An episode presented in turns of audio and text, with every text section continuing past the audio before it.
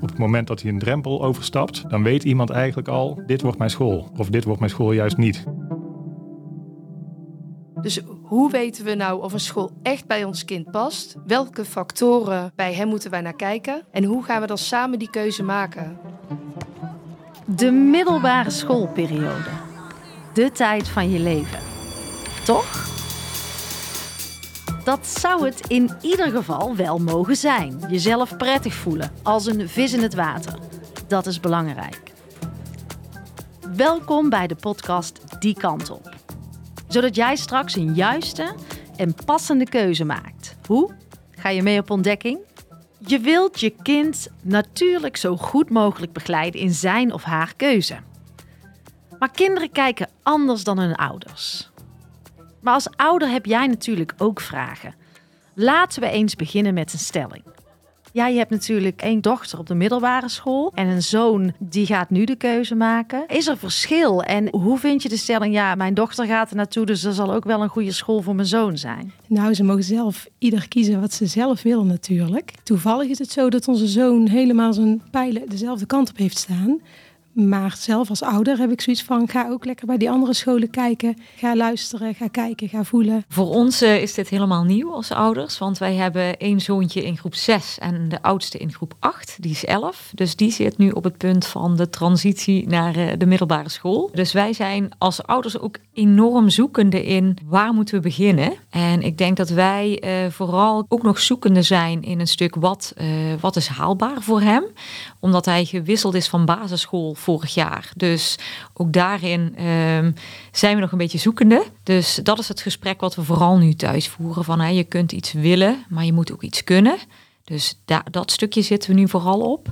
En dan sluit ik me ook wel aan bij jou van een stuk voelen. Hoe voelt het op een school? Ik denk dat onze zoon vooral heel praktisch gaat kiezen. Namelijk school dichtbij, dichtstbij, minst ver fietsen dat is voor hem belangrijk. Mijn zoon uh, zit in groep 7, een hele belangrijke groep op de basisschool. Dus uh, dit is het moment van de CITO-toetsen, van keuzes maken voor vervolgonderwijs. Dus daar staan wij voor. Terwijl ik zelf merk aan, aan hem dat hij daar totaal niet mee bezig is. En hoe doe je dat dan als ouder?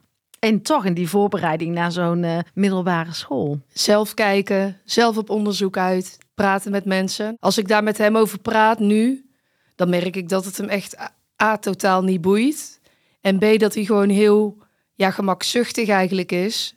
En het liefst iets wil wat zo min mogelijk moeite kost. Daar was ik zelf ook naar aan het zoeken. Van, goh, ga ik nou de hele tijd dat gesprek aan? Terwijl we zitten eigenlijk nog een beetje zo in het begin van groep 7. Dus beter, soms gooi ik het op. Dan laat ik het los. En uiteindelijk gaan we vanzelf open dagen bezoeken. In de hoop dat het wat meer gaat leven. En wat zeggen coördinatoren van de brugklas hierover? Dit is de, de rol van de ouderen die je nou specifiek benoemt. Die, die eh, benieuwd is waar, waarop de keuze is gebaseerd. En hoe kun je iemand stimuleren uh, om verder te kijken dan puur het praktische deel van het is vijf minuutjes uh, van je vandaan. Ik denk dat het belangrijk is om als ouder breed in te zetten en echt te gaan kijken naar verschillende middelbare scholen. En dat uh, wellicht dat praktische punt van een leerling daardoor ook ja, wat, wat breder gezien wordt. En dat een leerling sneller gaat kijken van is het wel een school die bij mij past, ja of nee. Want het is heel vaak ook een gevoel van de leerling. Op het moment dat hij een drempel overstapt, dan weet iemand eigenlijk al, dit wordt mijn school. Of dit wordt mijn school juist niet. Ik denk dat het vaak een gevoel is. Ja, uh, hoe, hoe de leerlingen benaderd worden, hoe, ze, hoe de sfeer in de school is. Uh, wat voor een leerling het meest belangrijk is. Ik denk ook niet dat het uitmaakt. Ik denk dat het belangrijk is dat je meerdere scholen gaat zien om het gevoel te krijgen. Maar als gemakzucht en praktische overwegingen voor een kind belangrijk zijn, denk ik niet dat het zo erg is. Nee, mits hij op de juiste plek zit. Ja, als dat de juiste plaats is en dat hij daar thuis hoort en dat hij ook dat advies krijgt. Maar ik vind wel dat je meerdere dingen gezien moet hebben. Ga gewoon breed kijken en als dan alsnog de conclusie is dat die school op vijf minuten afstand de juiste school is, prima. Het advies is dus ga breder kijken. Door te gaan doen kom je samen in beweging. Want alles wat je aandacht geeft, groeit. En waar mag je als ouder op gaan letten? Ik merk dat ze bijvoorbeeld wel heel veel moeite heeft met uh, het er zich toe zetten om huiswerk te maken. Dus, dus we gaan nu uh, binnenkort naar de open dagen kijken. En dat is denk ik wel voor mij eh, een vraag van, nou, hoe, hoe werkt dat hier? Hè? Doen, doen jullie het op school? Eh, het werk eh, en wat krijg je mee naar huis? Omdat ik zie dat het daar gewoon eh, heel veel moeite kost om ze echt ertoe zetten om het te doen. Wij wonen dus zeg maar tussen twee grote steden in. Dus dat maakt ook nog dat er superveel keuze is om die juiste school te vinden. Wat is nou die persoonlijkheid van jouw kind en zie jij dat zelf wel goed? En de scholen waar je gaat kijken, passen die wel bij de persoonlijkheid dus van jouw kind? Dat is voor mij sowieso wel echt een super belangrijke vraag. Dat ik weet in wat voor klas hij komt, dat ik een goed, echt een gewoon voor mijn gevoel een goed beeld heb. Eigenlijk gaat alles over het gevoel. Het gevoel moet goed zijn. En ook dat eh, er oog is voor kinderen die misschien niet precies binnen de lijntjes passen. En dat ze daar ook mee om kunnen gaan. Dat ik dat gevoel heb dat dat zo is. Hij mag niet verdrinken op een school, weet je zo. Dus hoe weten we nou of een school echt bij ons kind past? Welke factoren bij hem moeten wij naar kijken? En hoe gaan we dan samen die keuze maken? Wij weten niet zo goed wat past bij onze zoon. Hij gaat nog een beetje alle kanten op. Wij hadden de hoop op van groep 8 gaat daar antwoorden op geven van hoe, eh, wat past bij jou en hoe ben jij en eh, ook eens een stuk verantwoordelijkheid nemen.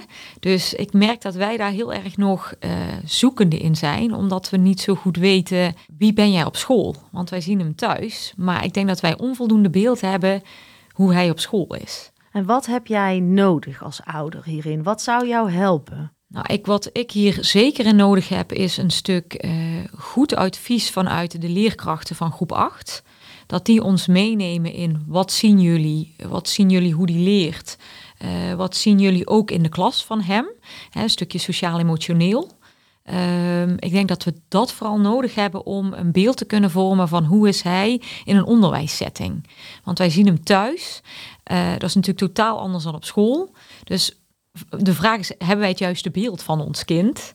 Ehm, en ik merk dat wij daar zo zoekende in zijn dat wij ook heel erg zoekende zijn in wat bij hem past. Zeker belangrijk. Dit leggen we eens voor aan een brugklascoördinator. Kinderen en ouders kijken anders. Ik denk dat ouders moeten kijken naar wat voor onderwijs wordt er geboden. Heeft mijn kind keuzemogelijkheden? Is er een eenjarige of een tweejarige brugperiode? Want wanneer gaat mijn kind al eh, definitief zijn eh, advies krijgen? Uh, wat voor talen worden er aangeboden? Zijn er extra dingen, extra vakken die aangeboden worden? Maar ook wat voor soort begeleiding is er? Ik denk dat ouders anders kijken. Dat kinderen kijken, kan ik met mijn vriendje in de klas en zit mijn kluisje wel op de juiste plaats? Dat soort dingen. Maar ik denk dat ze twee andere zaken hebben waar zij naar kijken. Binnen Tilburg zijn er heel veel verschillende middelbare scholen. En die scholen die zijn in principe allemaal goed, maar hebben natuurlijk allemaal een eigen accent. En ja, ik denk dat het als ouder belangrijk is eh, om je kind daar in ieder geval kennis van te laten nemen. Als jij weet dat jouw kind best een lange gewenningsperiode nodig heeft, omdat hij moeilijk om kan gaan met nieuwe situaties, dan zou ik altijd kijken naar een school met een tweejarige brugperiode. Omdat het best kan zijn dat het kind pas in februari een beetje zijn uh, echte draai gevonden heeft. Dan zou ik kijken, nou, dan kies ik voor een tweejarige brugperiode. Ligging van de school zou ik belangrijk vinden als ouders. Als je weet dat je kind heel gevoelig is voor uh, invloeden. Nou, misschien is dan in het centrum niet heel handig. Ik zou naar meerdere dingen kijken. En elke school heeft zo zijn eigen kwaliteiten. Dan moet je kijken wat past bij jouw kind. Heeft jouw kind uh, baat bij een, een kleinere beschermende school? Dan ga je daarnaar zoeken. Wil jouw kind juist meer onzichtbaar, wat anoniemer door een school gaan, dan ga je daar naartoe, naar, naartoe dan ga je daar kijken. Heeft een school iets waar een school zich enorm mee profileert, iets van sport of theater of zoiets, dan ga je zoiets zoeken. Maar alle scholen zijn goed. En het is natuurlijk enorm afhankelijk van het advies van de basisschool. Tuurlijk. Daar kan natuurlijk al de keuze voor jou bepaald worden. Wij luisteren echt naar de expertise van de basisschool. Die hebben acht jaar zo'n kind gezien. Die geven een gedegen advies en daar gaan we in mee. Ga dus in ieder geval de scholen bekijken. En welke aspecten zijn voor jou en je kind belangrijk? Schrijf ze eens voor jezelf op. En laat je daarin ook helpen. Op de basisschool geven ze een gedegen advies. En twijfel je als ouder wat past of dat je het juiste beeld hebt, ga dan vooral in gesprek met elkaar, zodat een goed beeld kan ontstaan. Een andere vraag die bij ouders puzzelt. Ja, weet je, je ziet zo'n klein manneke nu nog. En eh, die van ons is ook echt letterlijk heel klein. Die dan met zijn grote boekentas straks naar die school gaat. En uh, zijn wereldje nu is denk ik nog erg klein. Hij zit hier op de basisschool. Uh, meer dan dat eigenlijk. Hè. Verder dat ze sporten en gaat het niet. Je ziet vaak dat kinderen tot de kerstvakantie ongeveer echt de tijd nodig hebben om te wennen aan de school. En je ziet dan na de kerstvakantie ook vaak een omslagpunt. Ze zijn wat vrijer, ze voelen zich uh, meer thuis op een school. Maar die tijd mag je echt wel uh, rekenen dat een kind nodig heeft daarvoor. Dat klopt wat je zegt, want ik geef talenoriëntatie en dat is twee keer een half jaar. Het eerste half jaar heb ik hele bedeesde brugklassers. En dan het tweede half jaar komen de andere brugklassers. Dan zie je een wereld van verschil. Die zijn al gewend, die weten al wat ze te wachten staat.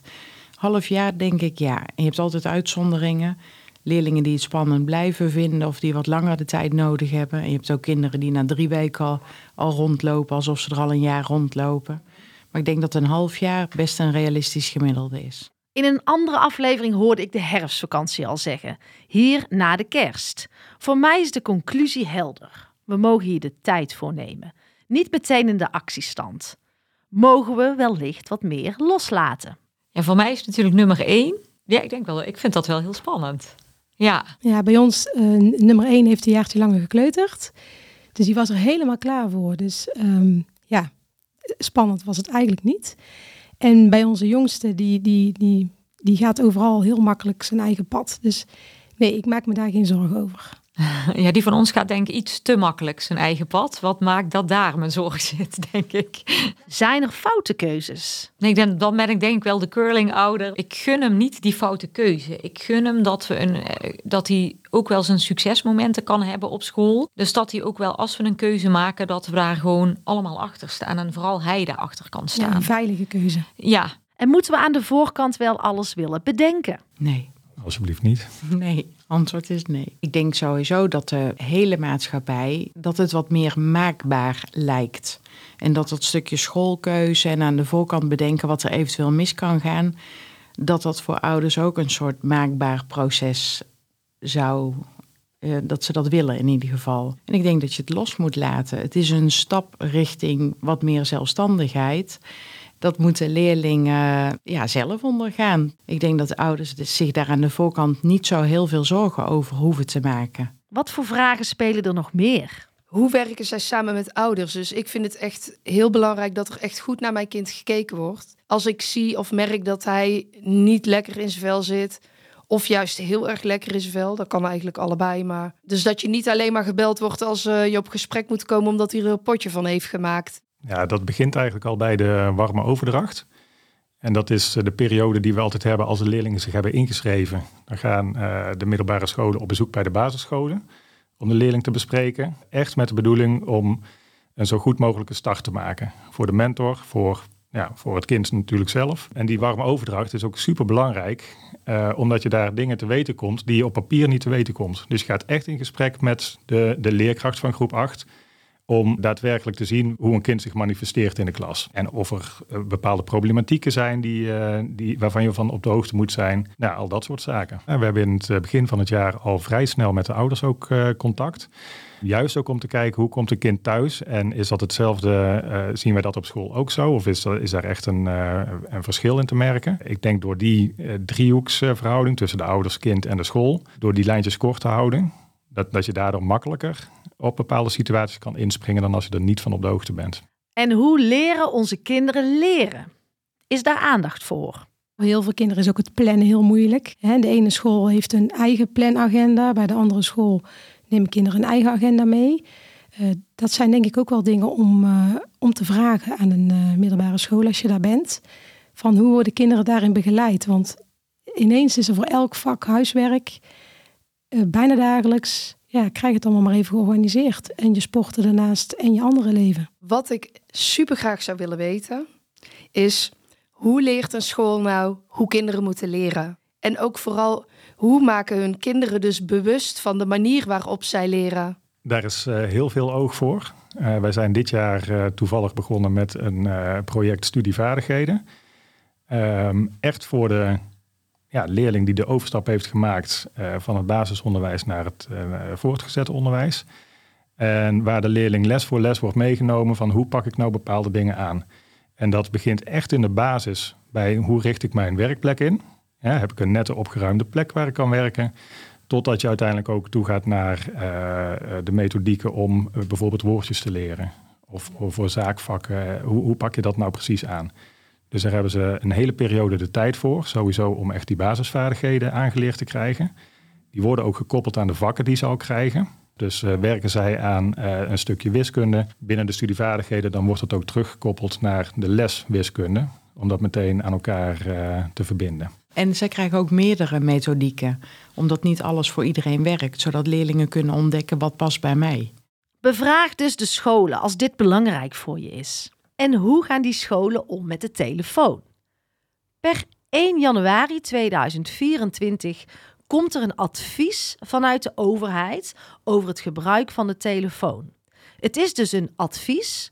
Scholen mogen hier zelf invulling aan geven. Ja, daar heb je een stuk uh, vrijheid in. En wij hebben ervoor gekozen om dus eerder uh, duidelijke regels over te, te maken. Dat vertellen we ook aan het begin van het schooljaar. Hè, in de eerste oude avond met alle ouders vertellen we ook hoe we daarmee omgaan. En ik vind het dan heel grappig hoe erop gereageerd wordt. Want vorige keer kwam er ook een ouder naar mij toe van... heeft u ook zo'n kluisje voor bij mij thuis? Want het is toch wel handig als die af en toe even niet aanstaat. Ja, ze geven natuurlijk zelf ook het voorbeeld, denk ik. En ja, als jij thuis tijdens het eten aan je, op je mobiele telefoon zit... ja, dan vindt je kind dat normaal. Ik hoop dat de ouders mee meekijken in het begin, wat er wel eens verstuurd wordt. Want het meeste gedoe is op dit moment echt het hele social media gebeuren. Wij zijn vorig jaar begonnen om de telefoon thuis of in de kluis te leggen. Omdat we de focus in de les weer op de les wilden hebben. Toen dacht ik nog, nou, dat wordt een gedoe. En ik zal heel eerlijk zeggen, het geeft ontzettend veel rust. Echt, de, de les is weer terug daar waar die moet zijn. Maar als je het uiteindelijk vraagt, geeft het aan die kinderen ook heel veel rust. Bij ons mogen ze in de pauze wel. En daar vind ik soms ook wel wat van. Want ik denk, oh, ga nou eens gewoon met elkaar in gesprek. En je ziet, uh, ja, er wordt natuurlijk veel gegamed. Als het dan met elkaar is, vind ik het ook nog wel gezellig. Maar hij is niet meer weg te denken. Dus we moeten de leerlingen uh, opvoeden met hoe we hem op een goede manier gebruiken. En daar hebben we de ouders natuurlijk ook heel hard bij nodig.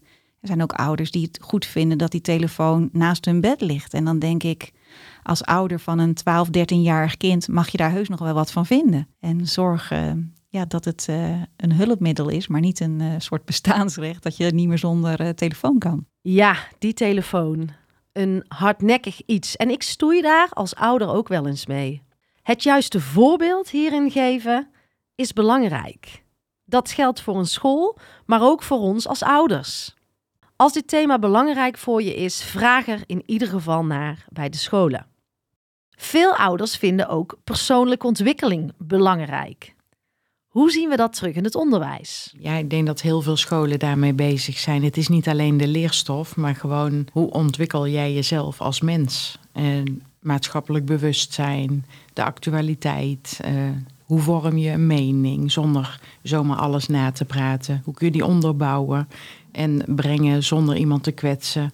Ik denk dat dat uh, ja, je taak als school is. Ik denk dat je als ouder heel erg geneigd bent om aan je eigen periode op de middelbare school te denken. En daaraan terug te, daarop terug te kijken van hoe was dat nou voor mij en wat, hoe heb ik dat beleefd, wat heb ik daar gedaan en wat waren de goede en de minder goede momenten.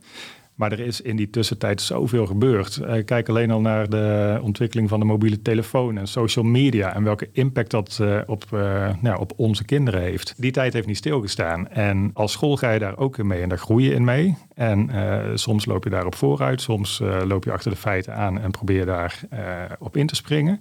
Maar ik snap wel waar de zorg van ouders vandaan komt. Want heel veel scholen communiceren niet of te weinig over dat stuk wat ze doen. Ik bedoel, toetsen, dat zie je in magister. De leerstof, dat zie je in magister.